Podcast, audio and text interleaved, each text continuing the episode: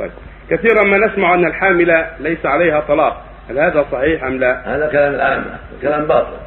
الحامل طلاقها مشروع ما هم ما لها طلاق. لها طلاق. إنما المنكر طلاق الحائض طلاق النفساء وطلاق التي جامعها في طهر. لا التي جامعها في طهرها. هذا هو الذي لا يجوز الطلاق فيه. أما الحامل طلاقها شرعي. النبي قال لابن عمر ثم ليطلقها طاهرا أو حاملا.